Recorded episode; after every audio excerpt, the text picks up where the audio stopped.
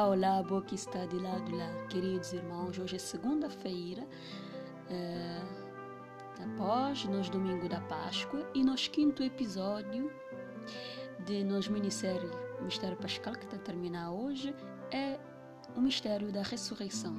O crucificado é o ressuscitado. O ressuscitado é o crucificado. E hoje, segunda-feira, ainda é Páscoa. Na oitava da Páscoa, que começa ontem e também até o próximo domingo. São oito dias da Páscoa, os oito primeiros dias da Páscoa, nós vivendo de forma tão intensa como se fosse ainda o primeiro dia da ressurreição, o primeiro dia da Páscoa. E esse é o nosso tema de hoje, né? É, o ressuscitado é o crucificado.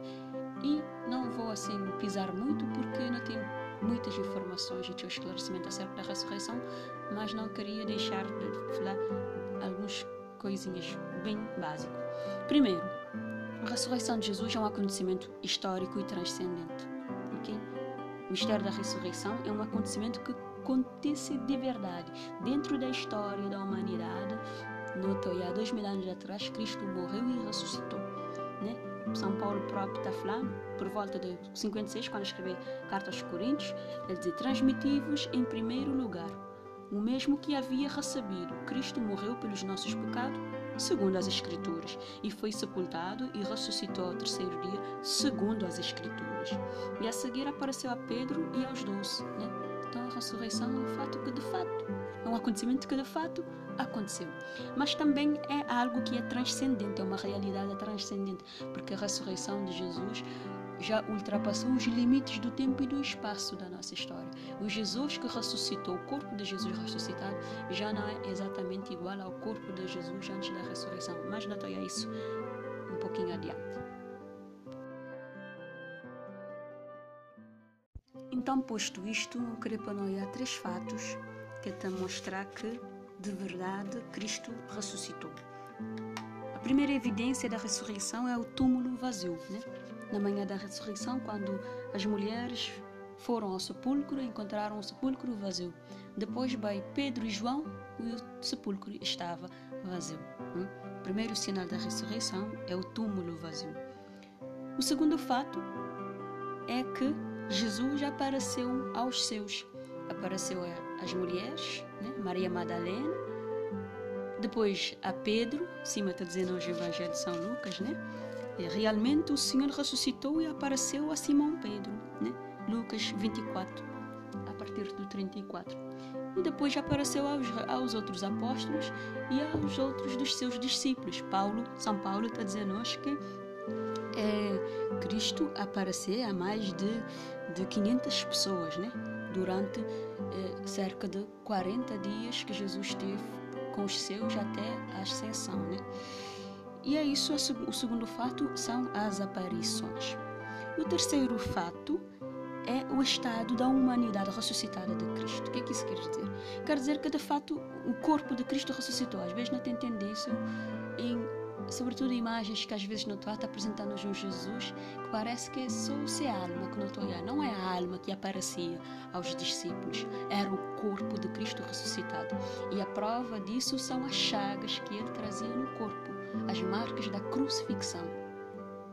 O ressuscitado é o mesmo que foi crucificado. E notou há várias vezes no Evangelho que Jesus foi tocado né? É, Tomé toca as chagas do lado de Jesus. Não te lembrar, por exemplo, a passagem dos discípulos de Emaús, Jesus partiu o pão com os seus discípulos, Jesus comeu. A alma anda a comer, quem que está a comer é corpo. Então, é isso, o corpo de Jesus ressuscitou. Né? Só que agora o estado da humanidade de, de, Jesus é diferente. É uma humanidade gloriosa, glorificada. Né? É um corpo que agora é livre para fazer presença quando, como, onde quer. É por isso que de repente do nada Jesus estava a aparecer. É, quando Jesus apareceu a primeira vez a Maria Madalena, na Podoia, em João 20, a partir do versículo 11, Maria Madalena pensa que Jesus era um jardineiro, mas depois ele reconhece. Né? Jesus está começando a aparecer de formas diferentes. Há a princípio pessoas que te reconhecem, mas depois estou aqui é Jesus ressuscitado, porque se o corpo de Jesus agora é livre para aparecer da maneira, com a aparência que ele quiser, quando ele quiser, onde ele quiser.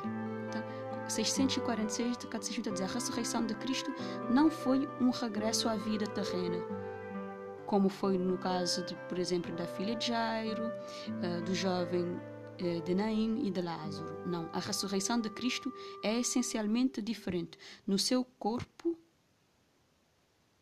ressuscitado, ele passa do estado de morte a uma outra vida, para além do tempo e do espaço.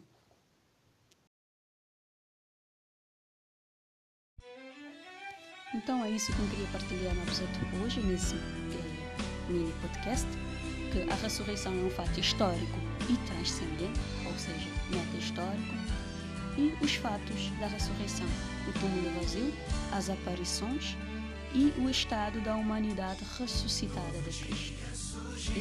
Fatos, esses fatos, está tudo bem explicado, bem evidenciado nas Sagradas Escrituras e bem explicado no Catecismo. Caso você quiser uh, estudar esses fatos no Catecismo. Então, Santa Páscoa a todos, que Cristo ressuscita no coração de cada um de nós. Até próximo série de nós este povo.